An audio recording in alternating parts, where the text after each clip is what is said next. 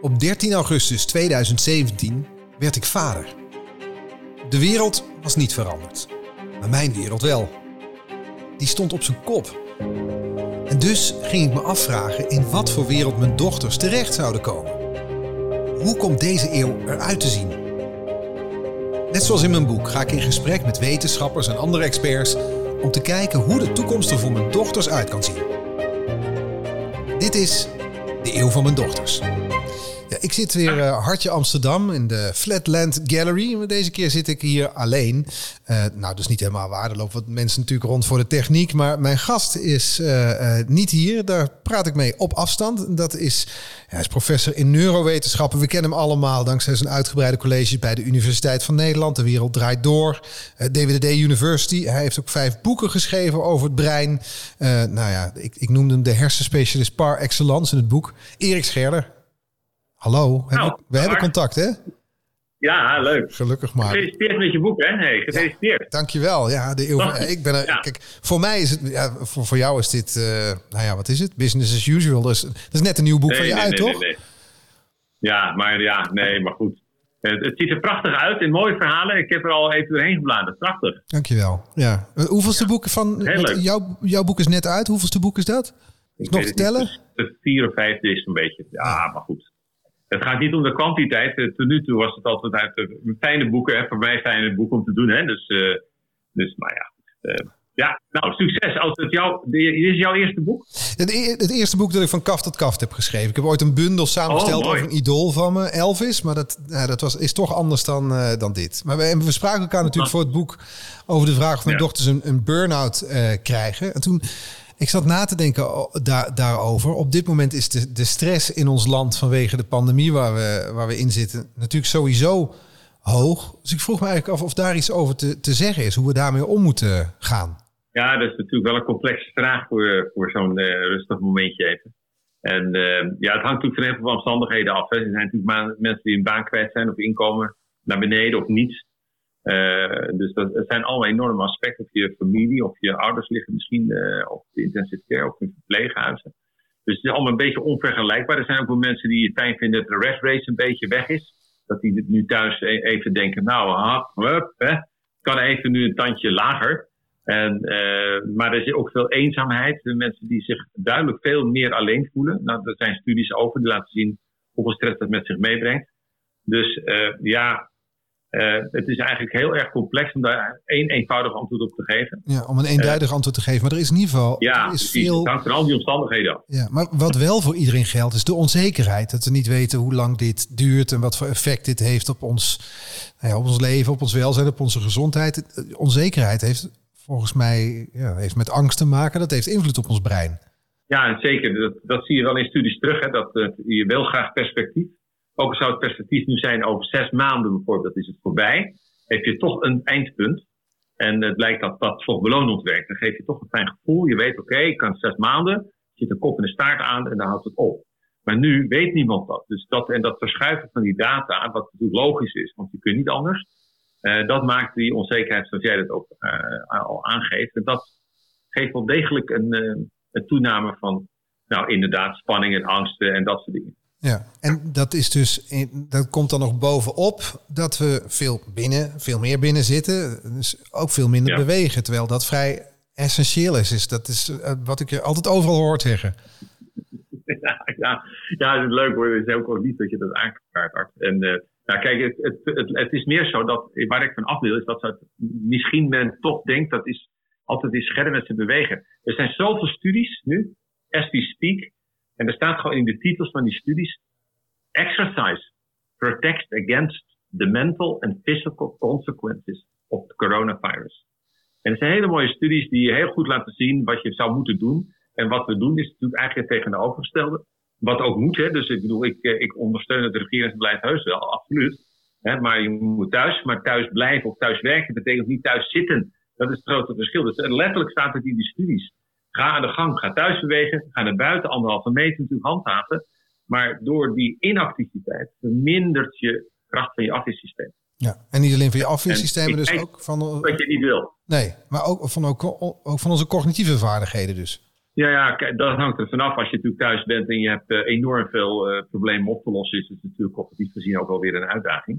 Alleen je hart-vaatstelsel en, en daarmee ook het, zeg maar, het grotere immuunsysteem, dat zwakt af. Dat is gewoon in al die studies wordt het aangetoond. De coronakilo's zijn ook beschreven. Dus als je nou kijkt naar uh, de komende. Eigenlijk als je nou kijkt naar jouw dochters. En je denkt de komende decennia. Hè, dan zie je in die studie staan de komende decennia. Kijk, dit is één virus. Er komt wel weer een mutatie. Kennen we ook niet. Hè. Zeggen, ik praat de viroloog even na. Dus we, eigenlijk moeten we zorgen als, als, als land dat het hele immuunsysteem weer op het normale niveau komt. En dat is het niet. Het oude normaal was abnormaal, uh, Art. Dus jouw dochters moeten, moeten in, de, in de zin vanuit studies doe ik dat, moeten eigenlijk zorgen dat zij, nu ze jong zijn, weer bewegen als een normaal onderdeel van de dag hebben. Ja, en het oude normaal was abnormaal, dat betekent dus dat niet bewegen. Dat was niet bewegen. Er was al een pandemie, zoals je misschien weet, en die pandemie heette officieel Physical Inactivity. Dat was officieel WHO. En die, die pandemie is er nog. Het kost 5,3 miljoen mensen per jaar het leven. 5,3 miljoen. Je hoort er niemand over. Maar ondertussen is hij er nog steeds en, en heeft hij dus de deur opengezet voor een verslechterd afweersysteem. En corona komt nu aan, dus die, je ziet ook studies die praten over two pandemics. Twee pandemieën. Klopt precies. Die ene was er al en deze is er nu. Dus terug naar de toekomst van je dochters. Eh, om een beetje, vind ik leuk om dat in de van jouw mooie boek ook even toch te melden. Want dan zou het toch de uitdaging zijn. Wordt bewegen voor hun het normaal onderdeel van de dag. En niet iets uitzonderlijks. Niet iets dat je denkt, ja, maar ze sport twee keer per week. de rest zitten ze te game. En dus daar moet het heen. En dan bouwen zij weer een sterk auto-immuunsysteem op. En dan komt er een mutatie langs. En dan zijn ze daar waarschijnlijk... Beter tegen bestand.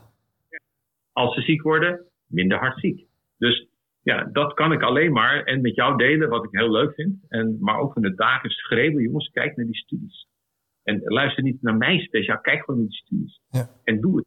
Ja. En dus, dus voor, mijn, voor mijn dochters en dus voor iedereen die in deze eeuw leeft, moeten we dus dat, dat oude normaal, een beetje, ja, ik noem maar even het, het, het luie zitten, zal ik maar zeggen, dat, dat moeten we afschaffen. Want dat kost ons minstens net zoveel levensjaren als, als de pandemie waar we nu in zitten misschien wel. De coronapandemie bedoel ik, ja. de COVID. Ja, ik denk dat je dat eh, zo rustig kunt omschrijven. En we zijn natuurlijk, hè, als je kijkt naar de, we hadden destijds ook in jouw boek nog over digitale digitalisering een beetje, weet je precies meer. Maar ik dacht het wel, en, en dus uh, ja, de afstandsbediening, je opstaan doe je niet meer. Als je mhm. helemaal zit, zit je, nou wel zijn. Achteruit inparkeren gaat automatisch je moet dus kritisch kijken naar hoeveel moeite doen we eigenlijk per dag. En dat geldt fysiek en dat geldt natuurlijk ook cognitief, maar ook fysiek. Dus ja, dat zou een, een prachtig zijn voor, voor jouw dochters en hun hele generatie. Uiteraard, hè. Uh, ik denk aan iedereen, uh, dat zij dat weer gaan doen. Ja, en dus moet bijvoorbeeld op, op uh, scholen, uh, moet beweging moet veel centraler staan. Het is ik kan me dat van vroeger herinneren in de klas. Het was een straf voor mij om aan zijn bankje te moeten zitten. Dus natuurlijk, daar leren we, leerde ik tenminste al hoe je moet zitten. Absoluut. Hè? Dus uh, je moet dat zitten onderbreken. Dat is altijd één kant van het verhaal. De kinderen moeten uit de stoeltjes komen weer. Die moeten weer echt in die speelkwartiertjes veel meer dan voorheen uh, weer echt spelen. Buitenspelen is enorm afgenomen. Ik weet niet of jouw kinderen buiten kunnen spelen. Je moet natuurlijk ook ergens wonen, maar het kan. Dus ik, ik, ik, ik heb er geen kritiek op. Maar het is wel een feit dat het buitenspelen enorm afgenomen dus al dat soort elementen komen weer terug. En dat gaat ook wel gebeuren, omdat we met de regering aan tafel zitten om dit punt nu te tackelen. Dus uh, we hopen de komende zes maanden met heel veel van die maatregelen buiten te komen. En is er dan een, een lijn te trekken als we naar de toekomst kijken? Is dit zeg maar, gaan we achteraf zien dat dit ongeveer uh, het dieptepunt was, het meest inactieve punt, en dat, dat, we, dat we langzaam weer de goede kant op gaan? Of is dat hoop, hoop denken, wensdenken? Nou ja, deels, deels zou het best kunnen. Dat zou natuurlijk, als jij dat zo zegt, zou dat dus een, een geweldig statement zijn. Dan zou het vanaf nu alleen maar omhoog gaan. Eh, zeg maar, vanaf nu komende jaar zouden dus die plannen komen. En dan zouden we hier een dieptepunt hebben gehad. En dat geldt dus niet alleen voor Nederland, dat geldt dus wereldwijd. Want die studies zijn internationaal. Dus niet geen enkel land lukt het om van die pandemie nummer 1 af te komen. En dat komt omdat uh, sectoren niet samenwerken. Mhm. Dus ja, een enorme uitdaging. En uh, dus ja. ja. En, en eh, als, als, werken. Ja, dat is natuurlijk de vraag. Maar en als, als je in dit licht uh, bekijkt, wat, wat hoop je dan mee te maken nog de, de komende tijd op jouw vakgebied? Je kijkt naar het grijze haar. Dat kan nooit lang niet. Nee, ik, ik druk het diplomatiek uit. Ah, dat is lelijk van je hart. Jammer, jammer. Ik vind het boek niet minder hoor. Ik vind het er niet minder. Het is even mooi. Maar Volgens mij ben je fitter dan ik om eerlijk te zijn. ik heb een kleine, kleine vergissing. Maar nou ja, eh, wat ik hoop is natuurlijk, dat ik leef inderdaad natuurlijk een beetje per, nou niet per dag nog, maar wel, eh, ik begrijp dat er natuurlijk een grens aan zit. Dus eh, ja, ik hoop heel erg dat ik die omwenteling nog mag meemaken. Dat ik er mee kan maken dat inderdaad gewoon bewegen, ook, voor, ook juist voor die mensen, hè, dat is een belangrijk punt. Kijk, jij en ik weten het. Maar er zijn ook hele grote groepen mensen die hebben de middelen niet, de mogelijkheden niet. Voor hun kinderen, een sportvereniging kost geld. Eh, muziekles kost geld, weet ik wel. Maar die zitten in andere, in andere omstandigheden. Daar, aan die grote groep moet je zeker denken. Om te denken, oké, die groep, daar moeten we ook heel erg ons voor inzetten. En eh, dus ja, dus dat hoop ik, dat dat gaat lukken. Eh, voor die mensen niet meteen de mogelijkheid hebben om het allemaal en te beseffen en ook wat aan te doen. En, Maar de- want de kennis is er, we weten, of we niet, nou ja, eh, jij weet het dan en, en, Ja, vakbroeders weten het.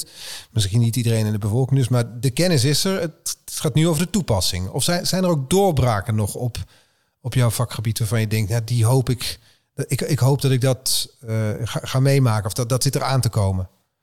Ja, daar heb ik, dat is altijd een goede vraag. Ik heb het overzicht er eigenlijk niet over. Want het wordt natuurlijk op het eh, gebied van neurowetenschappen enorm hard gewerkt op allerlei enorm verschil. Het is een gebied wat geen einde kent eigenlijk. Mhm. Dus eh, ik zeg, als ik in mijn eigen straatje zou blijven, eh, dan hoop ik dat dit in ieder geval een van de grote droomwensen zou zijn dat we qua maatschappij het lukt om het om te draaien. En, eh, en dat, ik kan je echt zeggen dat dit gewoon een, niet, een, zeg maar niet een wensje is die zo ergens uit is ontpopt. Die studies zijn gewoon gigantisch veel. Dat we allemaal de verkeerde kant op gaan en niemand doet er wat aan eigenlijk. Dus er is echt een, echt een major eh, verandering zou eigenlijk plaats moeten vinden. En dat zou de, de haak zou dit kunnen zijn. Dus voor mij betreft zou dit fantastisch zijn. Ik, eh, ik eh, help het met je. Toch wensdenken is dan toch. Ja, ik help het mee. Da- dank Erik dat we elkaar konden spreken zo op afstand tijdens die, die dubbele pandemie dus waar we in zitten. Ja, dankjewel dat je me de gelegenheid hebt gegeven om dit een keer te uiten. Succes met het boek hè? Ja, ja, ja, ja. Nou ja, ik begrijp wel dat ik natuurlijk onderaan die. Ik, ik haal die top 10 nu niet, omdat jij er al in staat. Ah, dus jij hebt mij genomen. Nee. Maar dat kan hard. Dus laat ik het erbij zeggen. Dus veel succes. Dank. En uh, weer. Dankjewel. Ja, tot, tot zover deze aflevering van de Eeuw van Mijn Dochters. Dank Erik Scherder. En in de volgende aflevering spreek ik trouwens met Marion Koopmans over die andere pandemie. Eh, maar ook over de pandemieën van de toekomst. Want nu hebben we COVID-19, maar worden pandemieën in de toekomst... wordt dat misschien wel veel gewoner? Hoe blijven virussen zich ontwikkelen? Daar gaan we het over hebben. Eh, en deze podcast die is gebaseerd op het boek dat ik heb geschreven. Erik liet het zien, eh, De Eeuw van Mijn Dochters. Een link naar het boek is te vinden in de beschrijving van deze aflevering. Boek zelf ligt bij de lokale boekwinkel eh, bij jou in de buurt. Tenminste, dat hoop ik van harte. Tot de volgende.